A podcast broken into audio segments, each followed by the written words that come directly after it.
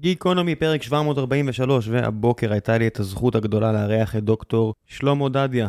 מהמחלקה לכירורגיה אונקולוגית באיכילוב, והוא גם מוביל באיכילוב את מרכז החדשנות הכירורגית.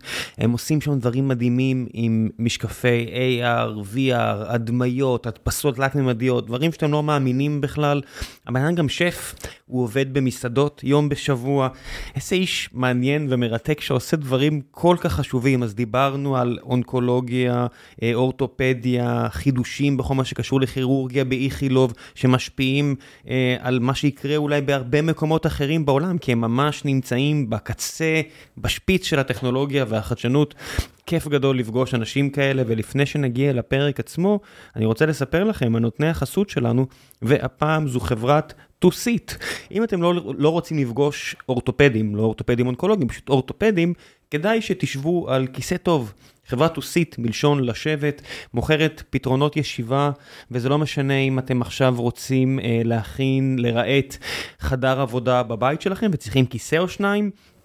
או אם עכשיו עברתם למשרד חדש ויש לכם אלף עובדים שאתם צריכים לדאוג להם, בשני המקרים חברת ToSit תעזור לכם, יש להם אולם תצוגה ענק מול קניון איילון בבני ברק, כנסו לאתר שלהם, תסתכלו, או יותר טוב, כנסו, תגיעו לאולם התצוגה וגם תקבלו הנחה משמעותית על הכיסא הראשון שתרכשו של 25% הנחה, אם תגידו שהגעתם דרך גיקונומי, כמובן שזה רק על הכיסא הראשון, כדי שתראו באמת שמדובר בסחורה מעולה, חלק הם מייבאים, חלק הם מייצרים בארץ, אנשים שיתאימו את הכיסא הנכון לכיס, לגב, לטוסיק שלכם, כל הדברים החשובים בנוגע לכיסאות, אני יושב על כיסא של טוסית וממליץ ברמה האישית. ועכשיו, גיקונומי, עם דוקטור שלמה דדיה, מקווה שתהנו.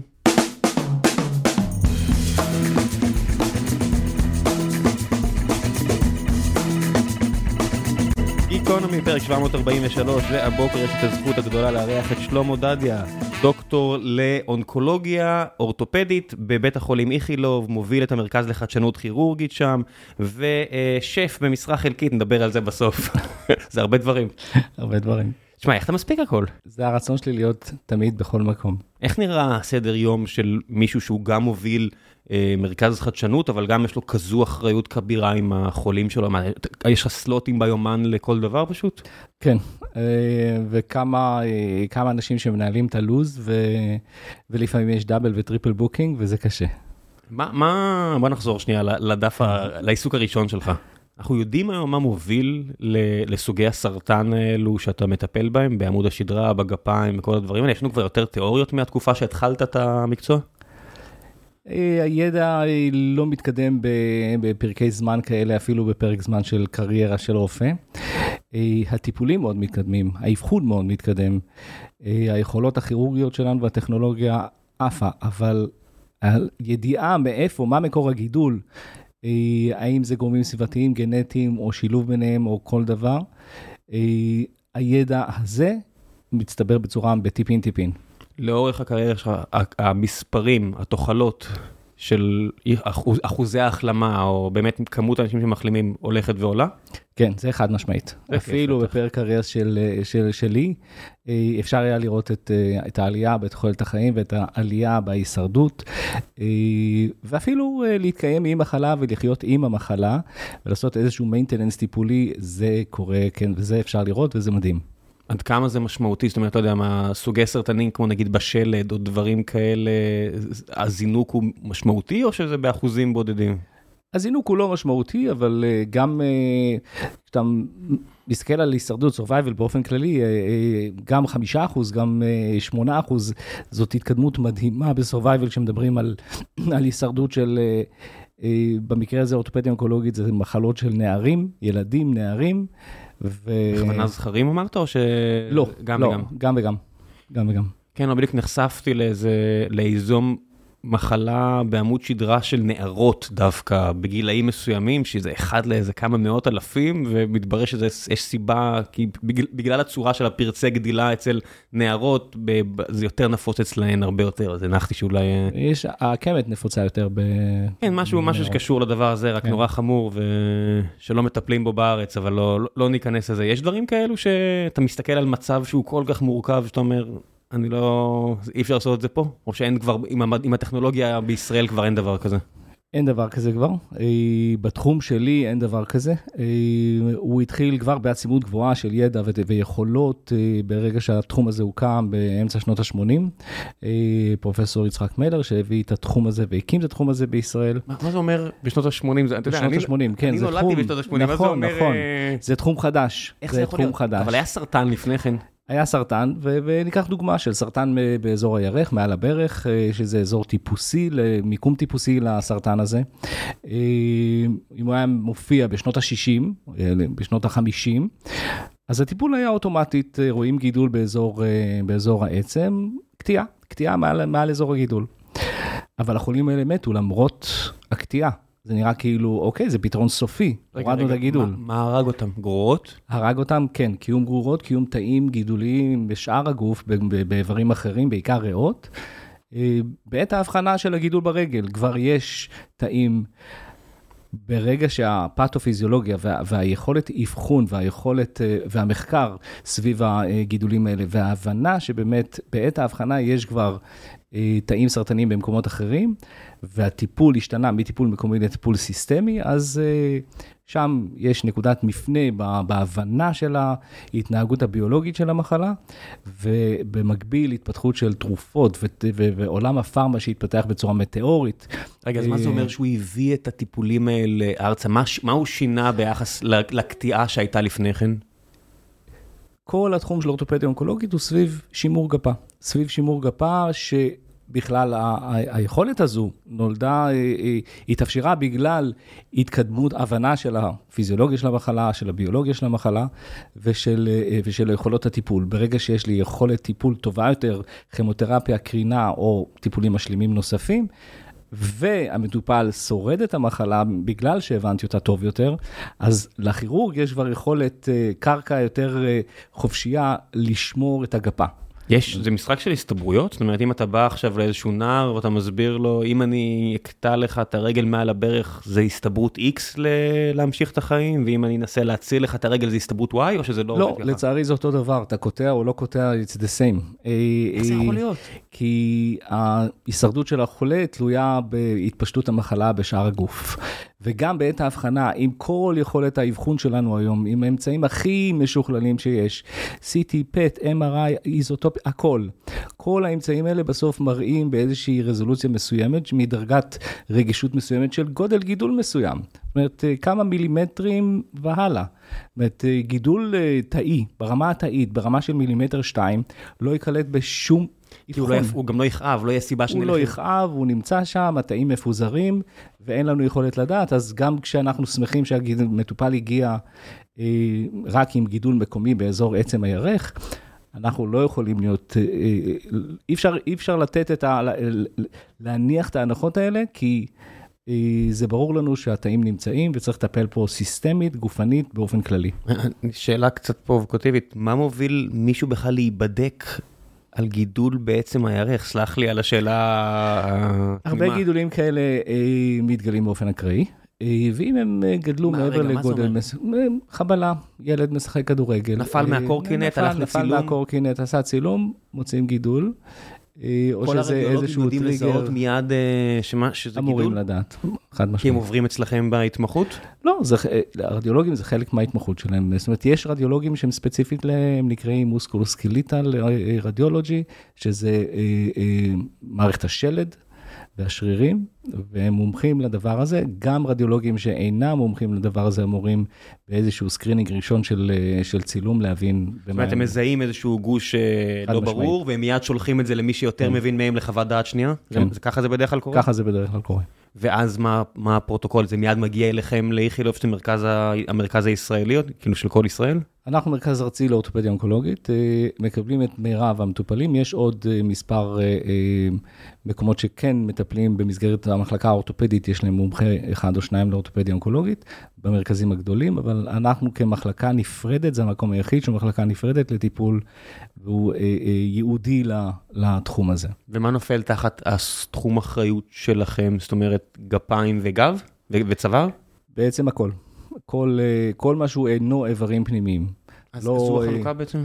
בעצם איפה שיש שריר שלד, המקור של הגידולים האלה זה נקרא התאים המזנכימליים העובריים, זה תאים שבסוף יובילו להתפתחות של שריר, כלי דם, שומן, עצבים, עצם, סחוס, בעצם כל מה שמרכיב את הגוף שלנו, חוץ מהאיברים הפנימיים.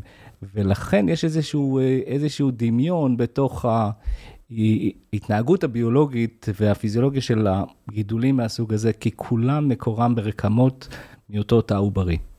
ומה, אז מה בעצם, באיזה שלב אתה מעביר את זה הלאה? זאת אומרת, לא יודע מה, יש לכם את uh, עידו וולף, וולף שמנהל את האונקולוגיה. האונקולוגיה באופן כללי, מתי עושים איזה העברת לפיד למישהו אחר? זאת אומרת, מה, זה, החלוקה היא אור, איברים פנימיים, אתם?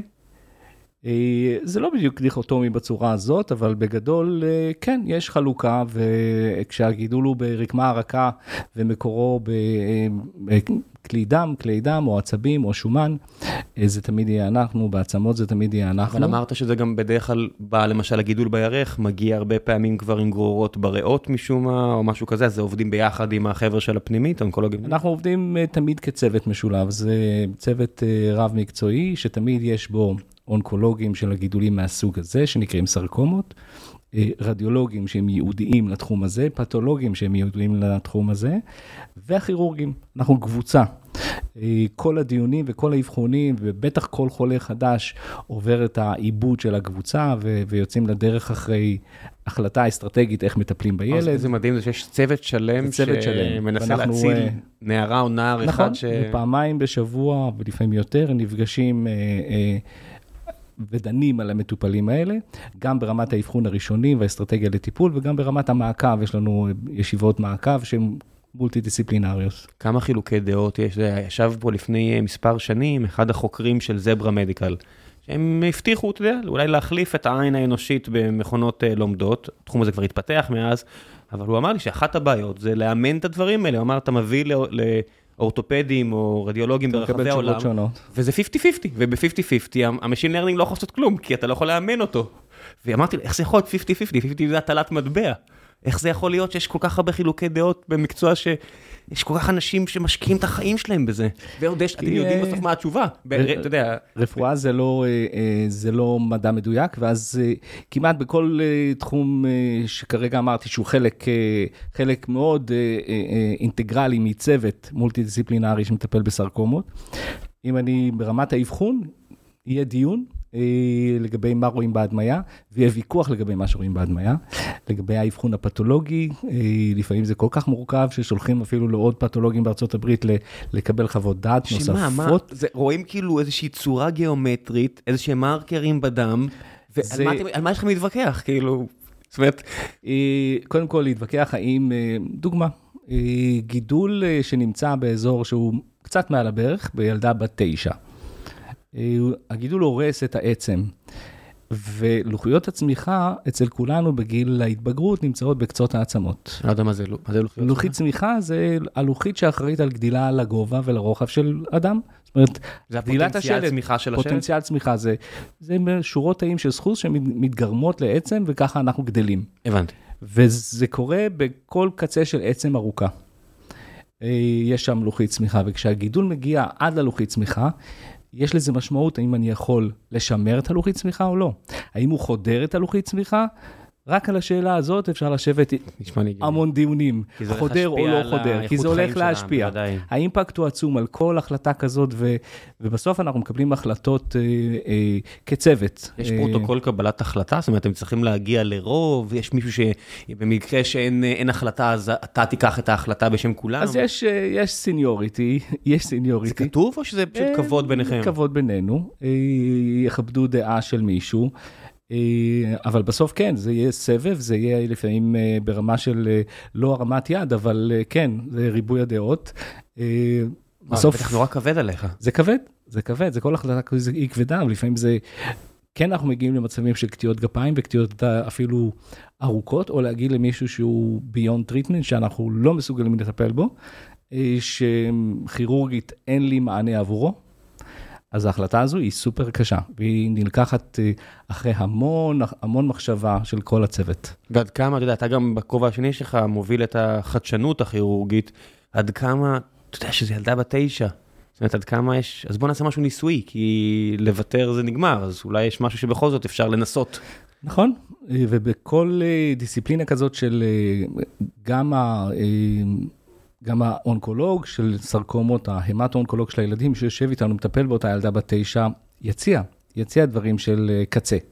הוא יציע טיפולי קצה גם. מה, י... מה זה אומר? זה אומר שיש את הפרוטוקול שהוא ידוע, הוא מקובל, הוא נוסה על מאות ואלפי חולים בניסויים קליניים בעולם. וזה ברחבי העולם המערבי אותו פרוטוקול? כן. הפרוטוקולים האלה מאוד מקובלים, הניואנסים, קיימים ניואנסים בין מדינה למדינה, בין, אה, בין מרכז למרכז, אפילו בישראל. זה ברמה של מדינה? כן. זאת אומרת, בית חולים בלואיזיאנה בהכרח יהיה זהה לבית חולים בניו יורק? אה, בדרך כלל, בדרך כלל כן, כי אה, אלה הנחיות של איגודים בינלאומיים, הנחיות איך מטפלים בגידול כזה וכזה בשלב הזה וזה.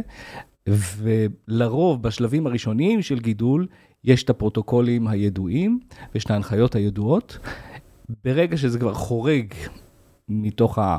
אה, אה, מההבחנה הרגילה, יש כבר איזושהי חריגה, או שלב שני של הופעת מחלה, זה כבר מתרחק מפרוטוקולים נוקשים, ואז אה, אתה מוצא שונות יותר גדולה, אפילו בתוך מרכזים בישראל, ובטח כשאתה מסתכל על זה בפרספקטיבה עולמית. יש איזושהי סיטואציה שאתה אומר, אולי אני אלך להתייעץ עם uh, עמיתים ברחבי עולם רק כדי להוריד את המעמסה הרגשית של להיות זה שלוקח את ההחלטה ולא זה קורה, יתייעץ? זה קורה, אנחנו עושים את זה לא, שאני אגיד לך באופן תדיר, לא שבועי, אבל אחת לכמה חודשים זה קורה. וזה קורה הפוך? גם, כן. אה. אה. כי כולנו אה, אה, עשינו ש... תת התמחויות בכל מיני מקומות בעולם, יש לנו קולגות וחברים שיצרנו בכל מיני מקומות בעולם, וגם הם מעריכים אותנו ושואלים ומתייעצים. מה זה אימייל עם תמונות?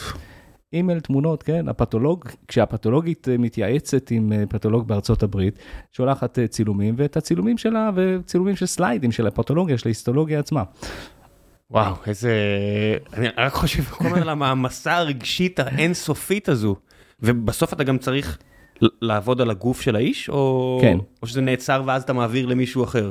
מבחינה כירורגית? גם, אני יודע. תראה, אני נמצא בתוך כל הצוות המולטי-דיסציפלינרי הזה, אני בשלב היותר אופטימי, היותר קונסטרוקטיבי.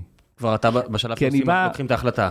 אני בא אחרי שכבר המטופל קיבל כימותרפיה או קרינה, או אה, באמצע הפרוטוקול, או סיים פרוטוקול טיפולי אה, כימותרפי, ואני כורת את הגידול ומשחזר את החסר. אלה דברים ש... מה, מה? זה משחזר את החסר. אם אני מוריד חצי אגן, אני צריך לתת מענה למה הורדתי. ו... מה, מה זה אומר, אלמוג? מה, מה שמים שם? לא, אני מצטער, אני, אני אגיד לך, לי נגיד היה איזה פציעה בצבא, אז האורתופדית, אה, דוקטור בתיה יפה, אני חושב שהיא גם אה, פרשה כן. מאז, היא אמרה לי, אפשר לקחת עצם מהמרפק שלך ונדחוף אותה לאיפה שאין. לא אז תראה, הפתרונות אה, הכירורגיים באורתופדיה אונקולוגית הם מאוד מאוד רחבים. אבל עדיין מוגבלים. זה גם הבסיס לכל... כי זה הרבה עצם, אני אומר, זה לא נכון. איזה אצבע שנקרתה ואז, אתה יודע, נכון. בוא נביא מהמרפק קצת. יש הרבה, החוסרים הם גדולים, ובגלל זה זה זר לאורתופדיה הרגילה, כי הם לא יודעים איך לשחזר חוסרים גדולים. מה האפשרויות בכלל? האפשרויות הן אה, אה, שתלי עצם גדולים. מה זה, זה מתכת? מבנק עצם. מה זה בנק עצם? בנק עצם, יש לנו אחד בישראל, וזה די מקובל בעולם. כשיש, אה, אה, כשיש תרומת איברים, ששומעים, כולנו שומעים בחדשות על מישהו שתרם את איבריו, השלב הסופי של אותה תרומה זה קצירה, ככה זה נקרא, קצירה של השלד, של העצמות. העצמות האלה מנוקות, עוברות איזשהו תהליך, אה, ולבסוף נשמרות בהקפאה במינוס 80 מעלות. עצם מחזיקה מעמד יותר טוב או פחות טוב מאיבר פנימי? היא מחזיקה יותר טוב, אבל לא החלק החי בה. זאת אומרת, זה לא השתלה של איבר מן החי, זה איבר שבסוף אני אקבל אותו לחדר הניתוח כמנתח שיזמין את החלק הזה. אני מקבל אותו כפיגום בעצם. זה פיגום שמשמש אותי לשחזר חוסרים גדולים בעצם, אבל הוא לא ביולוגי. זה כמו פרוטזה. זה כמו פרוטזה. זה כמו אז למה פרוטזה. להשתמש במשהו טבעי ולא אה? הוא מותאם הרבה יותר, הוא מותאם לאנטומיה, יש לי גיאוגרפית בדיוק את ההשלמה המדויקת. הפיגום הזה בכל זאת הוא פיגום ביולוגי במקור, והעצם יודעת אה, לצמוח אליו. אה, העצם של, ה, של, זה ש, של המטופל שקיבל את העצם, פשוט חודרת אל השתל עצם הזה, במקרה הטוב. איך מחברים? איך מחברים עצם לעצם? זה לא משהו שאתה יכול לתפור, זה לא... לא, החיבורים הם עם אה, אמצעים מתכתיים, פלטות, ברגים, אה, מסמרים, אה, בכל הארסנל של משתלים שיש לנו בחדר הניתוח. זה בטוח תחום שהת- שהתקדם ממש... ופה יש קפיצת מדרגה עצומה, כן, ופה באמת החדשנות הכירורגית נכנסת לתמונה. אז האורתופדיה האונקולוגית בבסיסה יש בה מין science fiction של, כשאתה שומע איך, ש- איך אנחנו משחזרים, אפילו מלפני עשר שנים, אה, זה science fiction. זה באמת מדע בדיוני, כי אתה לפעמים משלים חצי אגן, לפעמים משלים ירך שלמה, לפעמים גפה שלמה, ירך ושוק. ו- ואתה נכנס פנימה וכורת גידולי ענק ומשחזר עם כל מיני סוגים של שתלי עצם ומתכות. גם מתכות, יש משתלים, משתלים ייעודיים לדבר הזה, שיושבים לי על המדף בצורת לגו שאני יודע לחבר אה, ל- לאיבר השלם. סלח לי, השאלה ממש מכנית, זה קשה פיזית? אה, זה לך? ניתוחים מורכבים. כן, זה ניתוחים מאוד מורכבים. איך, אתה יודע, זה נשמע לי עצם דבר כל כך חזק, איך אתה... אבל... אה, מה, דוחפים בכוח? כאילו, מה... לא, זה ניתוחים שהם בסוף אה, אמורים להיות אה, מותאמים. אז ברמת אה, השחזור. מנ- מנסרים כאילו משני כן, הכיוונים כדי שזה יבוא מנסרים, חלק? מדייקים לגמרי. וואו, כמה זמן דבר כזה קורה? אז אה, זה תלוי, זה תלוי. ה- בעצם השחזור הוא כבר השלב היותר אה, אה, נינוח. ה- אה, אה, הבעיה היא בעצם הכריתה, כריתת הגידול, אה, המטרה היא לא להשאיר אף תא סרטני. ב- איך נראה תא סרטני בתוך עצם? אני לא אראה אותו בעין, אני אראה, אני אראה רקמה שונה. אה, מה, וזה זה צבע שונה? זה צבע שונה, מרקם שונה, כשהוא כבר גדול, אבל אם הוא לפעמים, אה, אה, אנחנו לא יכולים להסתמך רק על. מראה עיניים. בסוף התכנון הוא תכנון מוקדם, והתכנון המוקדם ללא אמצעים, אה, לפעמים גרר אותנו או או הוביל אותנו, בצדק, לכריתות יותר רחבות, יותר כאילו, לא לקחת רדיקליות. סיכון. כדי לא לקחת סיכון ולא להשאיר תאים סרטניים בגוף אדם, אה, כי זה בסוף יכתיב את ההישרדות של אותו חולה, בטח את אה, אחוזי ההישנות המקומית של אותה מחלה. הקשר של זה להישרדות הכללית קיים, אבל הוא יותר עקיף. ואתם בודקים רטרואקטיבית איך מה שעשיתם כאילו שנים אחרי זה, אתם אומרים, אוקיי, הנה הבחור הזה שהחלפנו לו אגן ולקחנו שני סנטימטר יותר, אין, הוא עדיין חי, אז בואו נרשום. איך, איך עוקבים אחרי כל הדבר הזה? המעקב, קודם כל, אנחנו מקבלים את, ה, אה, אה, את הוולידציה של אותו ניתוח ושל כל הגידול יצא מהפתולוגיה. אחרי זה בישיבות פתולוגיה הם סורקים את כל מה שיצא מילימטר מילימטר, גם את הגבולות של בארץ? הכריתה. כן, בפתולוגיה, זה, ברגע שאני מסיים ניתוח, כל הגידול הזה עובר לפתולוגיה. הם עושים עיבוד, חיתוך, מפינג זה נקרא, של כל מילימטר בנפח הזה. כמה זמן לוקח להם לעשות את זה? המון, המון. בגלל זה לוקח הרבה זמן לחכות? כן? תשובה של אה, גידול אה, גדול, נגיד של אגן או של ירך, לפעמים שבועיים, לפעמים שלושה. אה, אוקיי, אני מודה שחשבתי לא, אצלנו הקצבים, של- שלושה, ארבעה. לא, הקצבים אצלנו הם בגלל שאנחנו מתעסקים אך ורק באונקולוגיה, אה, כי בזמן הזה הבן אדם מחכה לניתוח. הוא מחכה לניתוח, הוא מחכה, התשובה יכולה לגרור, אה, אה, להוביל להחלטה של מה עושים איתו בהמשך, האם הוא ממשיך באותו פרוטוקול כימותרפיה, האם אנחנו משנים כיוון. מה זה אומר אה? זה כימיה שונה? כן. הקרנות שונות? כן, אתה גם בזה מבין? אני, זה לא תחום התמחותי הראשון, אבל זה בהחלט אה, חלק מהתחום שלי. זאת אומרת שאתה יושב בחדר. אתה יכול לנהל שיחה עם מי שבוחר את הכימיקלים השונים? כן. זה מה שאנחנו עושים בישיבות הרב-מקצועיות האלה. זה מעניין עדיין? זה מאוד מעניין. זאת אומרת, זה לא נייר עבורך טכני כבר? אז אני, אה, זה הרמת להנחתה ברמה של אה, כמה זה אישית, אותי הוביל, שזה זה באמת אותו דבר, זאת אומרת, זה, זה, יש תמיד עניין, ובטח אה, ברמת הדיונים ובטח ברמת הכירורגיה היא תמיד מעניינת. אבל אצלי יש אה, בעירה שרוצה לעשות עוד. ו... והעוד הזה, תיעלתי אותו לעוד שישפר את, ה...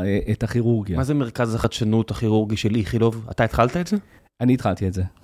איך, איך, איך אתה יודע, במערכת כל כך לא פשוטה, כמו מערכת הרפואה הישראלית, עם כל הבירוקרטיה, עם כל החוסר בתקציבים, עם כל ההיררכיות הנוקשות, איך הם עושים משהו חדש? זה, אה, האמת זה פלא. אוקיי. האמת כן. שזה פלא. תיארתי לעצמי. זה פלא אה, שהיום אנחנו עם מרכז עם 12 עובדים במשרדים מאוד מכובדים באיכילוב, עם אה, הכרה והוקרה ומעמד, פלא.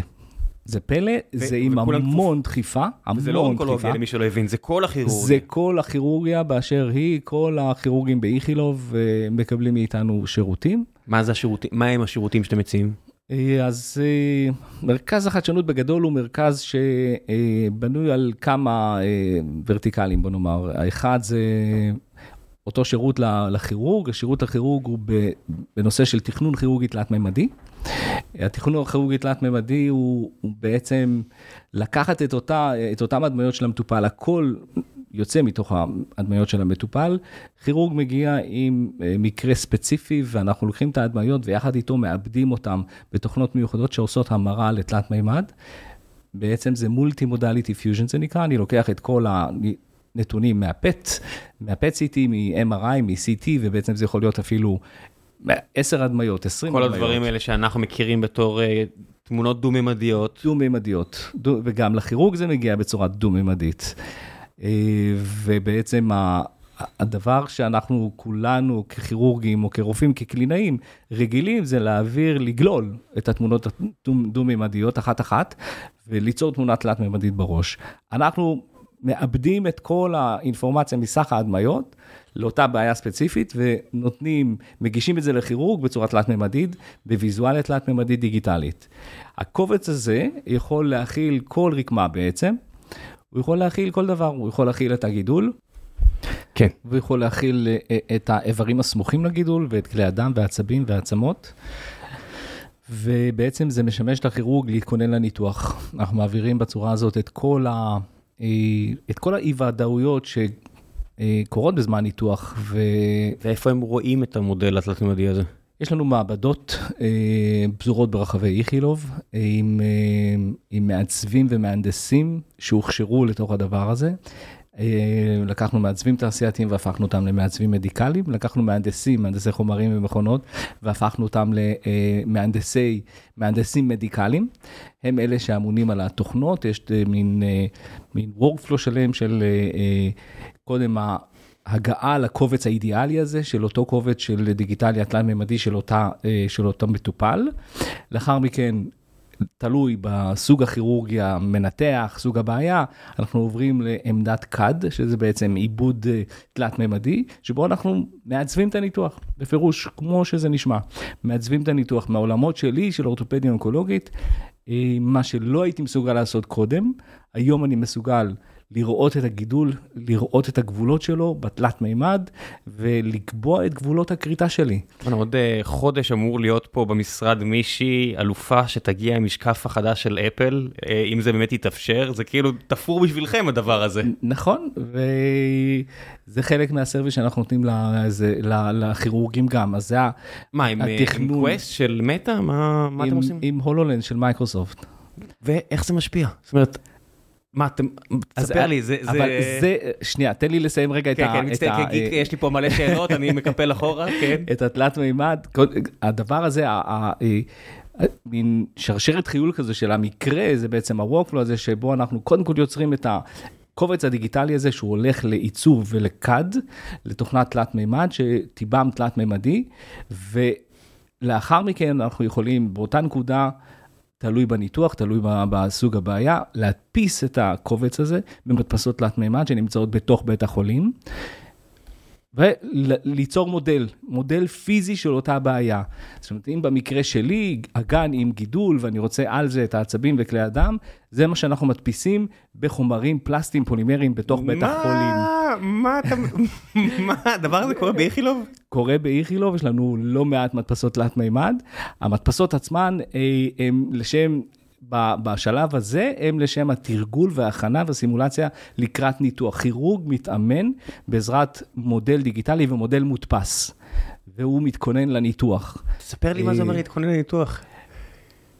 אם קודם היה לי רק את ה-CT ו-MRI, לגלול בצורה דו-ממדית ולייצר לעצמי את המודל התלת-ממדי בראש. מה זה כמו ללמוד מפה בניווט בצבא? בדיוק, היום אני הולך למעבד תלת-ממד של מרכז החדשנות, ושם אני יושב עם המעצבים והמהנדסים, ויוצרים את אותו מודל. המודל הפיזי הזה בסוף מגיע אלייך תוך יומיים שלושה, והוא יושב לי על השולחן ואני מתכונן לניתוח בעזרת מודל פיזי. הוא כלי שבסוף משמש לא רק ללמידה האישית של הכירורג, הוא יושב מרכז, במרכז השולחן בישיבה, בדיון, ודנים על המודל הפיזי, שהוא יכול להיות גם מודולרי, מתפרק, כדי להבין איך ניגשים. אה, זה ממש כלי אסטרטגי לתכנון, כמו, אה, כמו שטיסה וכל גיחה בחיל האוויר מתוכננת, זה הפך להיות איזשהו תכנון מדויק של ניתוחים. אתה מביא את זה למטופלת מטופל אחרי זה כמזכרת, כך? כן, זה, זה עולם שלם, זה עולם שלם של, אה, שבו אתה צריך להרגיש את המטופל, כמה הוא יכול לראות את איבריו בפלסטיקים ובמודל, כן. זה לא טריוויאלי, זה לא טריוויאלי לראות את, ה, את עצמך מבפנים עם, עם הגידול, ולהבין כמה הוא גדול ומשמעותי. בטח שזה לא נשאר שלם אה, בסוף נכון, התהליך. נכון. וה, אה, אז, וזה מסתיים בסוף בכלים שאני יכול לעצב ולהדפיס, לא רק מודלים. המודלים, המודלים הם לצורך סימולציה, אבל אנחנו רוצים עכשיו לקחת את הביצוע הניתוח, לשפר את הביצוע. ואם אני רוצה לכרות בצורה גיאוגרפית עצם סביב גידול, סביב גידול ממאיר, אני יכול ליצור את הכלי הזה באותה תוכנת CAD. אני מייצר את הכלי. מה זה הכלי? הכלי זה בעצם כלי שאם אני רוצה עכשיו לנסר עצם, אני בסוף משתמש באיזשהו מסור כירורגי. אה, ולמסור לא הזה, אז זה מסור, קח את זה הכי פשטני שיש, זה מסור, אה, זה מסור שיש לו להבים, אה, בסוף... עיגול, להבים, זז נורא מהר. זז נורא, פנאומטי, כל מיני, יש הרבה הרבה צורות והרבה טכניקות לנסר, אבל בסוף את אותו להב אני יכול למדל, את אותה להב אני יכול למדל, להבין את המידות וליצור פשוט גייד, זה נקרא כמו... נגרים עושים את זה על בסיס יומיומי, אבל לא קוראים לזה בשמות טכנולוגיים מורכבים, זה ג'יג, אה, זה פשוט משהו שמוביל את המסור שלי לעשות ניסור מדויק. זה הפאס של הניסור בעצם. נכון, וכשיש לי עצם, אז זה בכלל מדהים, כי בעצם אני יכול להושיב, זה על שטח הפנים של העצם, המכשיר הזה יושב ומזהה את שטח הפנים, הטופוגרפיה של העצם המדויקת, וברגע שאני מושיב את זה, אני עושה ניסור, החומרים האלה הם חומרים ביוקומפטביליים, זה נקרא שהם מאושרים, את כל גופי הרגולציה מאשרים את אותם מכשירים שאני מייצר בבית חולים. אני מייצר אותם בבית חולים במדפסות מיוחדות, ובעצם אני מייצר מכשיר ייעודי, custom made למטופל. כי. יש אה, רקמות שומן ושריר שונות לכל בן אדם, או שזה כל מה שהוא לא עצם, זה פשוט לא, לא קיים? לא, אז יש את כל מה שאני יכול, כל הרקמה הגרמית הקשה, אני יכול לייצר עבורה מכשיר מותאם אישית שיושב על טופוגרפיה מסוימת.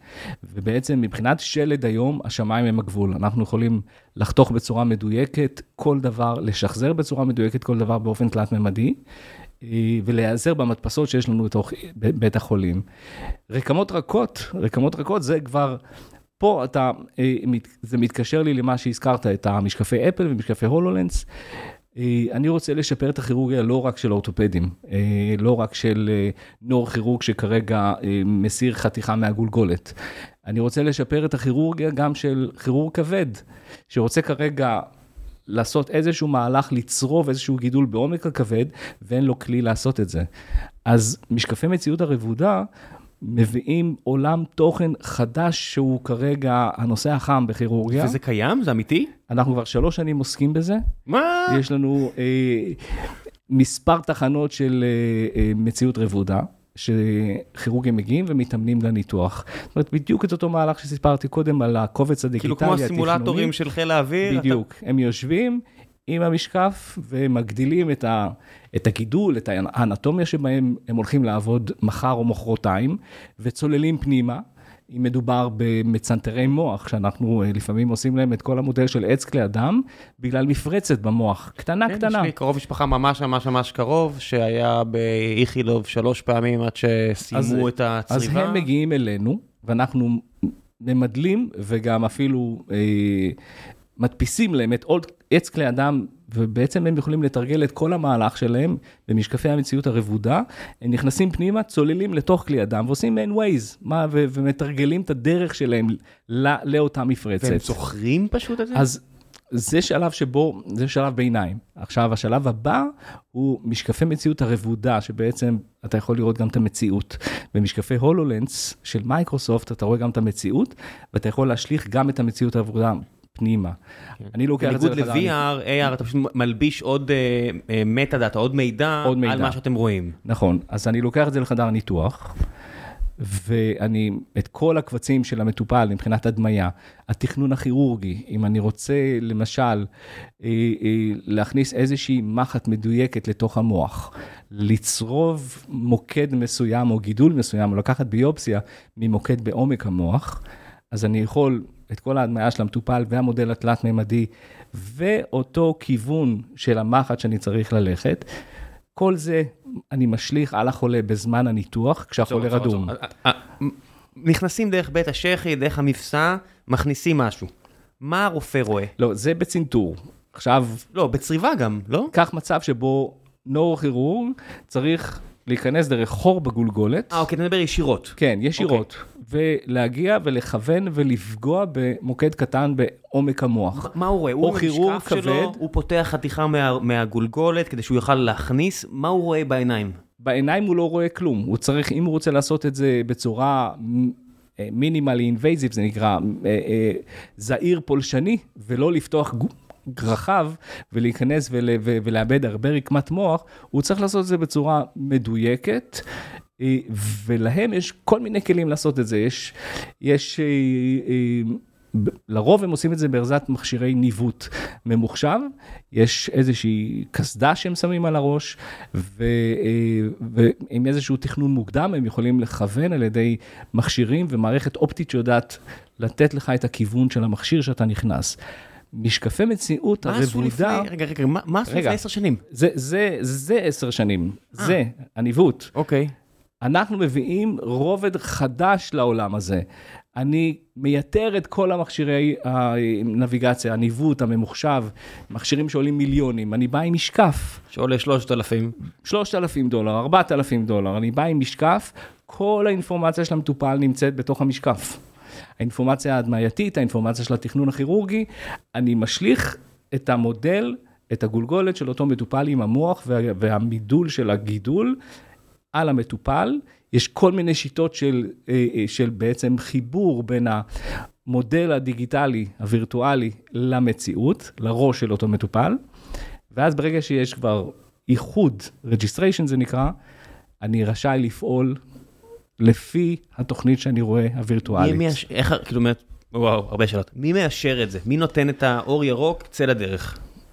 ראש המחלקה? זאת אומרת, הוא עבר הכשרה אצלך והוא עכשיו יכול לאשר את זה? אתה צריך להגיע? יש לנו דרך, אה, אה, היא סיזיפית, היא קשה, היא ארוכה, הדרך ההתמעתית היא לא, היא לא פשוטה. זאת אומרת, אה, אה, אנחנו פעילים שבע שנים, ו...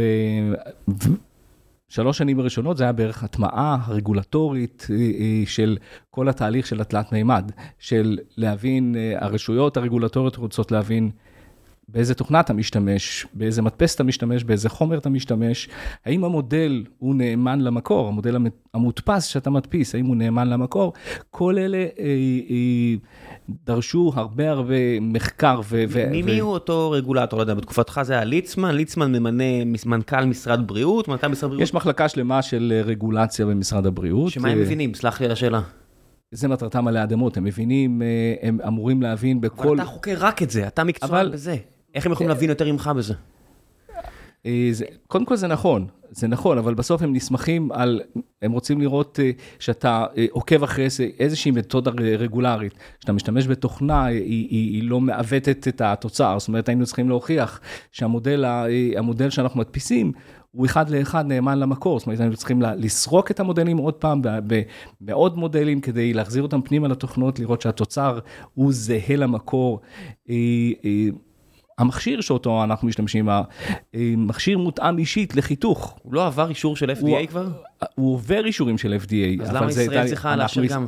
כי ישראל, אנחנו הקדמנו את ה-FDA בחמש שנים. אה, אוקיי. זה קורה רק עכשיו ב-FDA. זה הפוך, אז ה-FDA יכול לבוא כן. אליכם לבדוק מה קורה?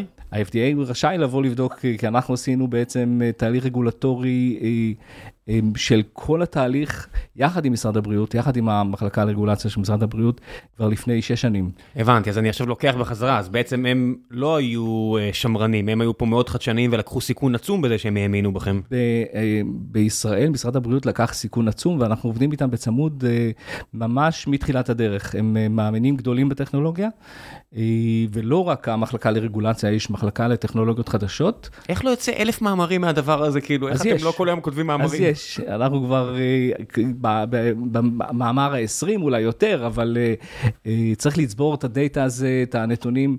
לא רק אה, ברמת הטכנולוגיה, לפרסם על הטכנולוגיה, בסוף אנחנו עובדים על חולים, אנחנו עושים את זה על חולים, וצריך שהחולה הזה יחלים בצורה טובה, ולמשל באונקולוגיה אנחנו רוצים, אנחנו עושים, אה, לוקחים קצת סיכונים, מתקרבים אל הגידול בטכנולוגיה הזו. הטכנולוגיה הזו בגלל הוויזואליה המדהימה, כלים שאני יכול להשתמש בחדר הניתוח. התקרבתי לגידול עד, עד חצי סנטימטר, שזה פחות מקובל בעולם האונקולוגי זאת אומרת. יש מישהו שיכול להיות איזשהו יריב אידיאולוגי שלך ויגיד, אה, אלה הם- מגזימים, והם נכון, משאירים יותר מדי סיכוי. לגרורות. חד משמעית, ואת זה אנחנו צריכים להוכיח לעולם, ואת זה אה, הוכחנו ב... ב בלא מעט מאמרים, יש לנו ולידציה של מאות מקרים באורתופדיה אונקולוגית, מאות מקרים? מאות כמה מקרים. מקרים יש, כמה מקרים יש בכלל בארץ של אה, אונקולוגיה אורתופדית? יש... אה, אלפים אז? לא אלפים, אה, יכול להיות עד כאלפיים מקרים, אבל בשנה? בסך הכל, רגע, אלפיים מקרים בסך הכל, בשנה? בשנה, של חדש? של בן אדם חדש? כן, אבל זה כולל את הכל, זה כולל אה, לא רק את הגידולים, גידולי עצם הראשונים, זה כולל גם את הרקמה הרכה, זה כולל גם אפילו מצבים שפירים, שאותם אנחנו גם נאלצים לכרות כריתות גדולות, גם אם זה לא ממאיר. למה? כי זה הורס עצם, הגידול. כן. אז, אז את התחום של, אה, של כל אה, אה, מהלך העבודה של, של התלת מימד והעבודה בתלת מימד, הנחלנו בצורה מאוד מאוד טובה בכל המחלקות באיכילוב. מייקרוסופט עוזרים לכם? מייקרוסופט אה, לא כל כך עוזרים. קניתם את זה ותסתדרו לבד? אה, כן, כי התחום של, אה, של המציאות הרבודה בישראל הוא לא מפותח במייקרוסופט. אין להם מחלקה כזו כאן, ואז זה להתעסק עם מחלקות הפיתוח שנמצאות בארצות הברית, וזה יותר קשה. אבל אנחנו נעזרים בחברות שיש להן קשר ל... ל- אה, למחלקת הפיתוח של ההולולנס. וואי, בא לי להתקשר ל- לבוס של מייקרוסופט ישראל ואפל ישראל ולהגיד לו מה את אתם. עושים. עשינו את זה כבר הרבה פעמים, וזה לא צלח לנו, אבל אה, יש לנו את הדרכים לעקוף. לא. עוצרים אותנו, לא עוצרים אותנו, אנחנו עוקפים הכל, ומגיעים למי שצריך בארצות הברית, וחברות שאיתם אנחנו מפתחים. כי זה כל כך אה, מרגש בטח גם עבורם, אתה יודע, יושבים חבר'ה בסיאטל, מפתחים משהו שמאשימים אותם שזה צעצוע ותו לא, והנה אתם מצילים גפיים של ילדים. חד משמעית, חד משמעית. ומציאות הרבודה עכשיו זה הנושא שאיתו אנחנו אה, הכי הרבה, אה, הוא מרגש אותנו, הוא... אה, אתה הוא מבין מש- שאנחנו חודשיים, שלושה מגרסאות ראשונות שאתה תוכל לשחק איתם של- של- של אפל, וזה- של אפל. וזה Game Changer אמור נכון, להיות. יכול להיות שכן, יכול להיות שלא, קשה לדעת, קשה לדעת שהאם. אם האפליקציה, האפליקציות הכירורגיות רלוונטיות ל- לאפל, זה לא בהכרח היה ב- בראש מעייניהם של המפתחים. זה אף פעם לא בראש מעייניהם של המפתחים, הנושא הכירורגי. קטן מדי, כן.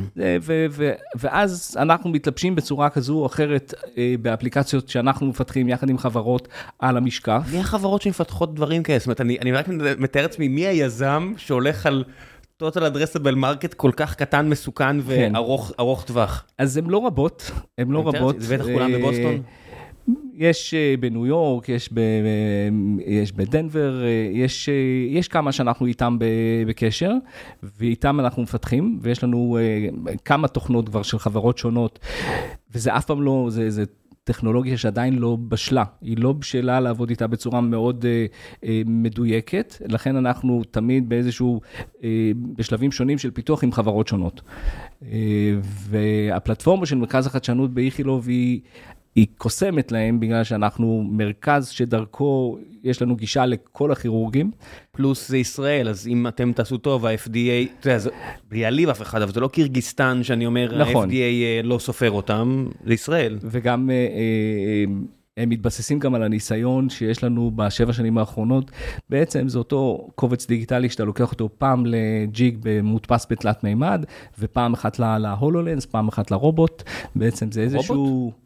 איזשהו אה, אה, תכנון דיגיטלי, שהרבה שיטות ביצוע בחדר הניתוח יודעות להגיב, לפעול לפיו. זאת אומרת, את אותו תכנון כירורגי שעשיתי לכריתה גיאוגרפית, שאורתופד אונקולוג, עבור אורתופד אונקולוג, עם איזשהו מכשיר שהדפסתי עבורו, אותה תוכנית יכולה ללכת לרובוט לביצוע, אותה תוכנית יכולה ללכת ל, אה, למשל למערכת ניווט לביצוע. מה זה אומר רובוט לביצוע? היי hey, חבר'ה, הפרק הזה הוא גם בחסות הפניקס, שרוצים להציע לכם ביטוח דירה החל מ-35 שקלים בחודש, והם דואגים לכם לכל מה שקשור. אז החל מ-35 שקלים בחודש, והדירה שלכם מבוטחת. הפניקס סמארט, יופי של דבר שמציע את כל מה שאתם צריכים. יש להם ביטוחי תכולה לדירה, וביטוח מבנה, וביטוח משכנתאות. אז כנסו לאתר שאני אשאיר לכם, ותראו מה מתאים לכם. ועכשיו, בחזרה לפרק עם שלמה, מקווה שאתם נהנים. יש מספר רובוטים, אה, העולם הרובוטי הוא, הוא אה, קשה מאוד. זה רובוט, זה רובוט שמנתח או רובוט, רובוט שמכין את הכלים? הרובוטיקה בחדר הניתוח אה, היא, היא רובוטיקה של, אין רובוט שמנתח. יש תמיד, אה, אה, זה ב, אתה מנתח בעזרת הרובוט. זאת אומרת, הרובוט עוזר לך לבצע משהו. אני, אתה יודע, כל, כל מה שאתה אומר פה, אני מקווה לא לפגוש בחיי אף פעם, אני מודה, אבל אם כבר מדברים, מה זה אומר, יש זרוע מכנית כלשהי שבסופה יש מסור? יש למשל, הרובוט הכי מפורסם זה רובוט דה וינצ'י, והוא נמצא יחסית בצורה, אני חושב שאין מרכז רפואי בישראל שאין לו רובוט דה וינצ'י. רובוט דה וינצ'י יש לו זרועות שנכנסות אל המטופל, במקום, בעצם הוא מדמה ניתוח לפרוסקופי, שאתה נכנס עם מצלמה. כן, כן, כן. והזרוע השנייה היא זרוע לכלים. אז הם לקחו את ה...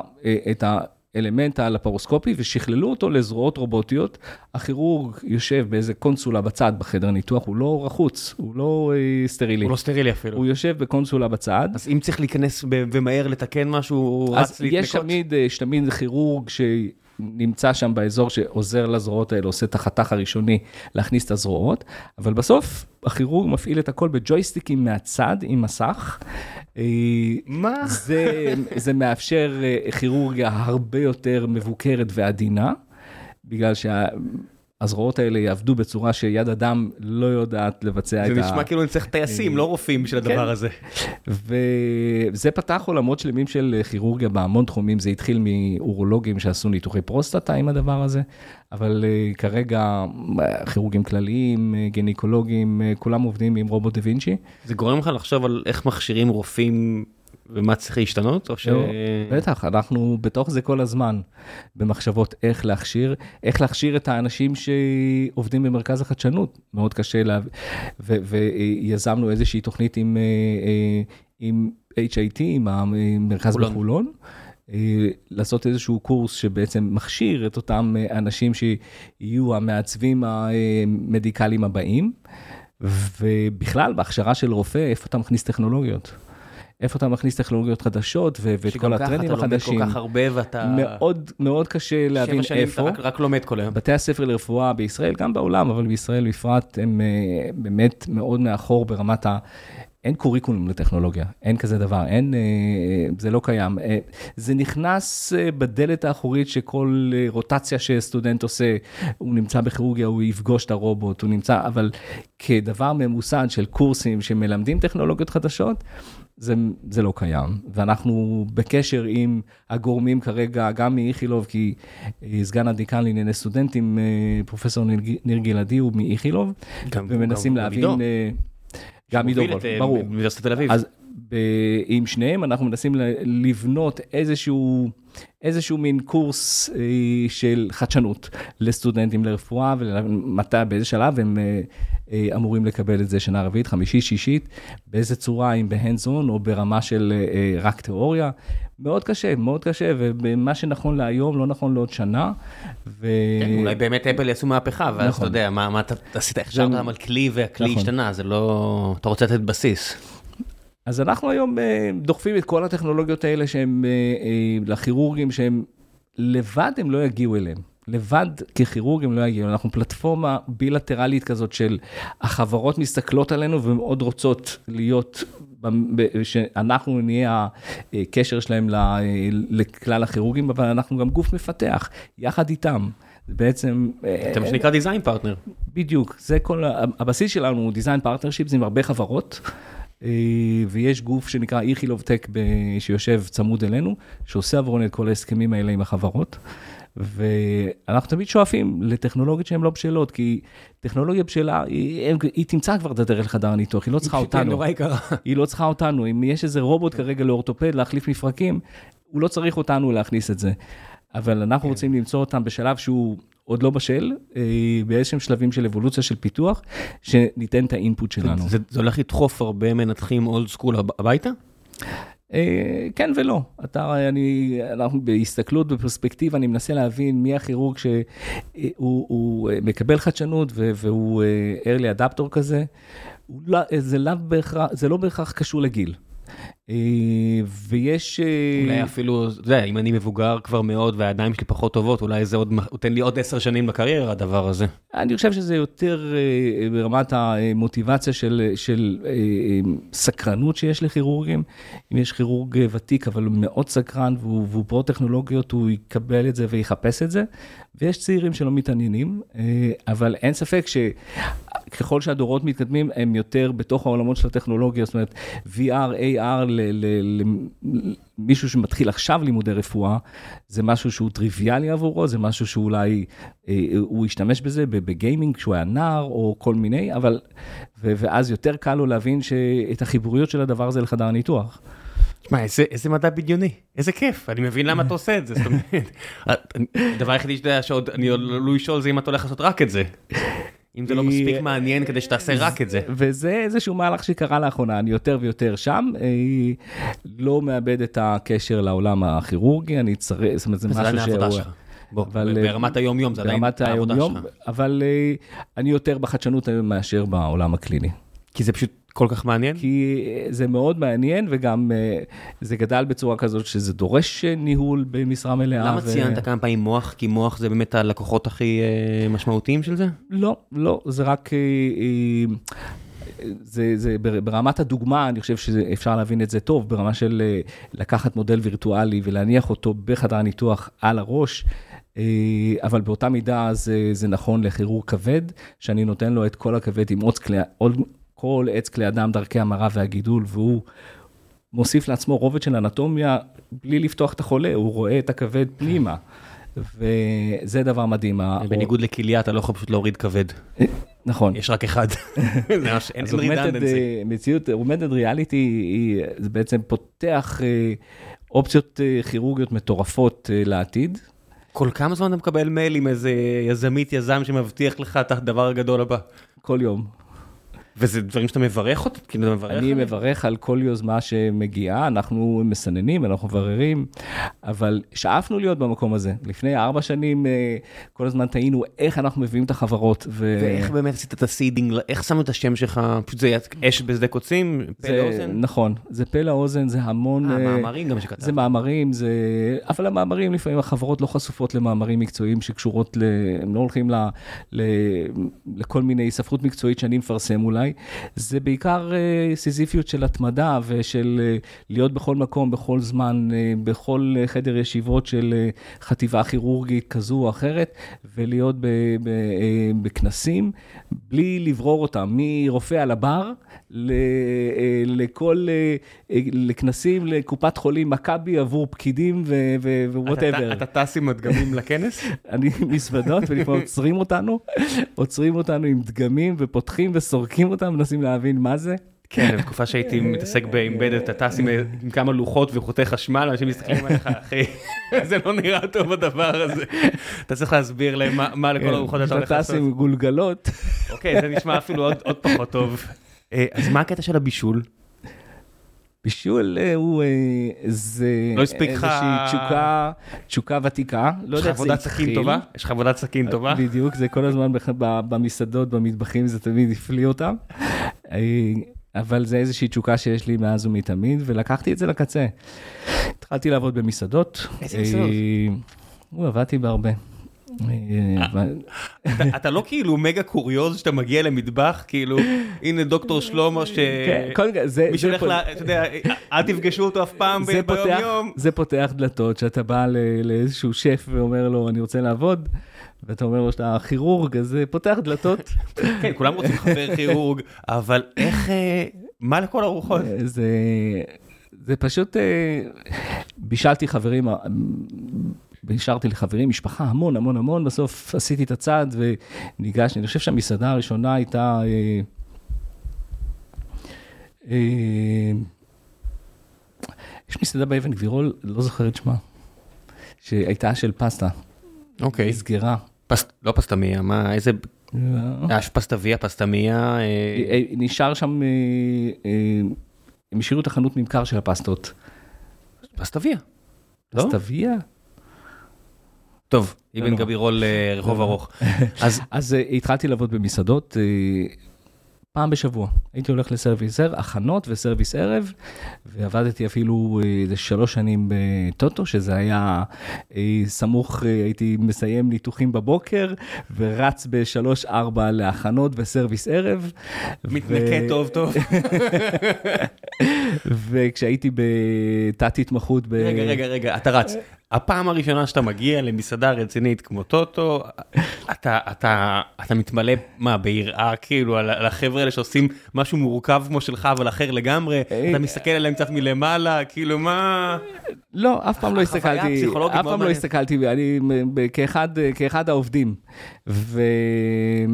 בשלבים הראשונים שהגעתי למסעדות, אז באמת גם התייחסו אליי כאחד העובדים, למרות שאני, אוקיי, כירורג בכיר זה לא משנה, אבל בחדר, במטבח, אז זה היה איזה כמה מפגשים של להבין מי אני, זה תמיד מתחיל בלהבין מי אני, ולראות יכולות, ומהר מאוד קולטים שיש יכולות, ואז אתה עובר שלב, ועובר עמדה, ומתקדם. פס קר, פס חם. עשיתי הכל, עשיתי הכל. אבל זה גם, אתה יודע, זה, זה פעם בשבוע, איך אתה קולט, איך קלטת מספיק מהר את כל הרוטינות? הרי מסעדה, אתה יודע, כל יום, העניין הוא שאתה שם הרבה. למסעדות. הגעתי כבר שהיו לי יכולות, היו לי יכולות בישול. כן. אבל בכל אופן אף פעם לא באתי, ולמרות שכבר לאורך השנים היה לי כבר, אפשר היה לכתוב קורות חיים מקבילים ל, לרפואה במטבחים, אז אף פעם לא, זה לא היה נושא, תמיד התחלתי מנמוך והראיתי יכולות והתקדמתי. הפסקת עם כללכת פעם בשבוע למסעדה הפסקתי, אבל זה היה... פיזית זה קשה בטח גם. זה קשה מאוד. וגם uh, כרגע לוח זמנים שלי לא מאפשר, uh, ימים הם ארוכים וללכת לסרוויס כל פעם בשבוע זה קשה. אבל אני עושה פרויקטים קולינריים נוספים ויש לי מחשבות על קדימה גם. יאללה, לאחל את זה בתוך איכילוב, אתה יודע, האוכל בבתי חולים הוא לא הפורטה. זה, זה יכול להיות, לקבל, הנה הגן שלך, ואני הולך להוריד פה, פה ופה, ותגידי מה את אומרת על המנה הזו של הקציפה. נסענו עם המשפחה מטעם אשתי, היא עבדה כסמנכ"לית משאבי אנוש ביוניליבר פה, והיא קיבלה תפקיד במטה בלונדון, ונסענו לרילוקיישן בעקבותיה. ושם מצאתי את עצמי 2013 עד 17. ועבדת בבית חולים בלונדון? ואז שם היו לי עניינים של רישיון בשנה הראשונה, עד שקיבלתי רישיון לעבוד. איך היה החוויה לקבל רישיון במדינה זרה כמו, לונד... כמו אנגליה? זה, זה היה, קודם כל זו הייתה חוויה קשה. הייתי שם בתת התמחות בסבב קודם בבירמינגהם. אבל עדיין זה לא מקנה לך זכות לרישיון מלא. מה בודקים בשנה הזו ש... שאתה יודע באמת העבודה, שפה... זה בעיקר בירוקרטיה של...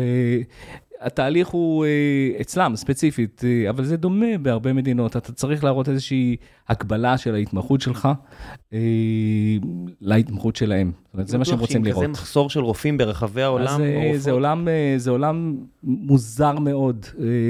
זה, זה המקצוע הכי יחסית, הכי ותיק בעולם, הכי עתיק. שנלמד יחסית בצורה דומה, אבל עדיין כל מדינה שומרת על עצמה בצורה מאוד, ולא נותנת לזרים להיכנס. איך הרפואה באנגליה? היא רפואה טובה. היא רפואה טובה במרכזים הגדולים, היא רפואה מצוינת. יש שם פערים בין הקהילה ל, ל, לרפואה שנמצאת בתוך מרכזים רפואיים. מה זה אומר? קח למשל את ה, כל מה שקורה פה בישראל, בקופות, שאתה יכול, אנחנו מקבלים את זה כמובן מאליו, אבל אתה רוצה ללכת לאורתופד מומחה. יש לך אפשרות ראשונית להגיע כמטופל לאורתופד בקופה. ושם אין מומחים בקהילה. זה לא קיים, זה קונספט שלא קיים. יש רק רופא משפחה בקהילה. ורופא המשפחה עם סמכויות רחבות. והוא נותן והוא אה, זה ש... זימון לרופא או... ורק לבתי חולים. אין מומחים בקהילה. אה, כל, ה, כל, ה, כל המומחים נמצאים בתוך בתי חולים. אז איך השפיע נגיד הרפואה הפרטית על הדבר הזה? היא פרחה יותר שם? אה, לא, זה אין הבדל. אה, ברמה של, הם מאוד מאוד מקשיבים לרופאי משפחה, הם, הם מאוד ממושמעים. אין שם קיצורי דרך, זה לא כמו כאן שהם יבואו אליי ואחרי חוות דעת שנייה, שלישית ורביעית, אה, שם הם מאוד ממושמעים. מה, מה, מה, מה אמרת עכשיו? מה אמרת עכשיו? אם מגיעים אלינו אה, הישראלים, הם מאוד, אה, מאוד סק... לא רק ספ... הם מטילים ספק, הם, הם עושים את השופינג של עצמם בצורה משמעותית. אתה עושה את ההשוואה לארצות הברית ואנגליה, נכון? כן. ומה אתה רואה שיש? ובאנגליה, למרות שזה רפואה ציבורית, זה לא קורה, זה שונה, עבדתי שם בסך הכל חמש שנים, וזה מאוד שונה. הם מאוד מאוד uh, ממושמעים, גם uh, לי זה היה מוזר כרופא זר, שהייתי uh, בלונדון ובבירמיגם, עדיין לא הטילו ספק במה שאני אומר. א', זה, זה שונה. נחמד. זה שונה מאוד. זה פוגע בך שמטופלים מטילים ספק במקצועיות שלך? בהתחלה אני חושב כרופא צעיר זה, זה מורגש יותר, אבל אתה מפתח לזה איזושהי סבילות. תשמע, אני, כמי שזה עכשיו נגיד במשפחה שלו עכשיו היה משהו אונקולוגי, אז רופא אחד אומר תורידו, רופא שני אומר לא, ואני אומר אוקיי, כן. לכל הפחות אתם לא סגורים שניכם, אז כן. אתה יודע, אז אני קצת uh, מעורער, אתה יודע. נכון, uh, uh, מטופלים קשה להם לקבל שאין אחידות דעות, אבל טוב שאין אחידות דעות, אבל זה, זה כל העניין, בסוף חוסר האחידות דעות ודעות שונות של אה, חוות דעת שונות מערער מטופלים ממקום לא טוב. אבל גם ככה אתה מעורער מאוד. נכון, כאילו... ממקום לא טוב. כל דבר מערער אותך בתקופה כזו בחיים. בגדול, אה, הפתרון הוא צוותים, הוא לא לקבל דעה אחת. וכשהם מגיעים אלינו ואני מנסה להגיד להם, אה, מנסה להגיד להם, למטופלים ש... קיבלתם חוות דעת מצוות מולטי-דיסציפלינרי של עשרה אנשים. אז אל תראו את זה כשלמה דדיה, תראו את זה כצוות שלם שאמר את דברו. אז כשאתם הולכים עכשיו לחוות דעת הבאה של אדם בודד, שימו אותו מול עשרה, לא מול שלמה דדיה. יש כבר מתגנבת לדעתך המחשבה, זאת אומרת, בלי לסבך אותך, אבל נגיד עכשיו לא מזמן היה עניין של... Uh, מנתח כלשהו בצפון המדינה, שמאשימים אותו שהוא אה, דחף יותר מדי אנשים לניתוח בגלל הרפואה הפרטית. אתה מרגיש שזה מטיל צל... אה, אני אגיד לך את האמת, במקרה שלי, יש לי איזה בעיה אה, כרונית בסינוסים, והגעתי לאיזה מנתחת פרטית, פה בתל אביב, והיא שלחה אותי לעשות צילומים. כל הבורות המיקרוסקופיים באף וכל הדברים האלה, והיא שאלה אותי, אמרה לי, תקשיב, הנה, המק... אני יכול לנתח אותך, אני אשמח, הנה ה... דברים שיכולים לקרות לך בהסתברויות כאלה ואחרות, נכון מפחיד? אל תעשה את הניתוח, ביי, תתמודד. אמרתי, אוקיי, אני מעריך מאוד את הזה, ואני מתמודד. ואז אני קורא על מנתח אחר, כן. שדחף הרבה אנשים ללא צורך לניתוח. אתה חושב שזה גורם לציבור הרחב אולי אה, לחשוד בך כמנתח, למרות שאתה מטעם הציבורי והכל? אה, חד משמעית, בסוף, אה, אבל צריך להבין מה נקודת המוצא. כשאתה עם בעיית סינוסים כרונית, יש לך את האופציה לא לעשות, וזה מה שהרופא צריך ממש, להסביר. כן, ממש יש לך את האופציה. זה מה שהרופא צריך להסביר, שבעצם, כמו שחיית עכשיו כמה שנים עם אפיזודות של סינוסיטיס, כל החיים. אתה אין... יכול לחיות עם אפיזודות של סינוסיטיס גם עוד 20 שנה. אני בן 40, אז אני אומר כפול 2 אה, של זה, אז, אה, אה, ולעשות הפרדה מאוד מאוד ברורה של פרוצדורות מצילות חיים, או מצ... מה ההשלכות אם לא תעשה. זה תמיד צריך להיות שיחה פתוחה. כן, אבל גם, גם באונקולוגיה היום... גם באונקולוגיה זה צריך להיות שיחה פתוחה, כי אם, דוגמה, דיברנו על חדשנות, דיברנו על כריתה מוגבלת, שלפעמים היא ה... היא ההבדל בין קטיעה של גפה או שמירה על מפרק, כי צמצמתי וחסכתי עצם בכריתה. אז ה... ברגע שיש והדבר הזה הוא כבר common knowledge, הוא ידע שקיים אצל אורתופד אונקולוג אה, בבלינסון או, ב, או, או, ב, או ברמב"ם. ואם אין לו את הטכנולוגיה הזאת, הוא צריך להגיד את זה. זה צריך להגיע עד כדי כך, הכנות של, של כירורג להגיד, יש טכנולוגיה שתשפר אותך טוב יותר ממה שאני יכול להציע לך, אין לי אותה פה, יש אותה באיכילוב, או יש אותה בכל מיני מקומות, או אפילו מקומות שיש אותה בארצות הברית.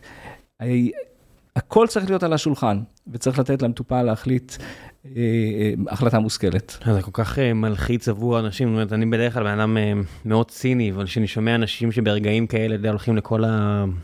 כאלה שמאמינים שקנאביס יכול לרפא הכל, והשמנים וכל הדברים האלה, אני בדרך כלל די ציני לגבי זה, אבל אני אומר, בסיטואציה הזאת אני... כל מה שאפשר להיות זה להיות אמפתי, כי זה אנשים כן. והקרובי משפחה שלהם, והם כל כך בחרדות וסובלים ומקבלים חדשות רעות, שהם... כן. מה אתה יכול לעשות, אתה יודע, זה החיים נכון. שלהם, ובסוף... גם אתה כרופא יכול לעשות אה, עד גבול מסוים, להמליץ, אה, לתת את כל הידע שנדרש, לקבל החלטה, ובסוף ההחלטה היא של המטופל. שלב ההמלצות, כל מה שבא לך, שחווית, ראית, קראת לאחרונה ובא לך לספר למאזינות ומאזינים. אה, בעולם שלי? מה שבא לך. בעולם שלי. לא, לא חייב. מה, זה העולם שלך? רפואה, חדשנות, VR, אוכל, כאילו מה, יש לך, העולם שלך די רחב. לשאול, לשאול שאלות. אה, אה, אחד הדברים ש... וגם זה חלק מהסיבה שאני פה.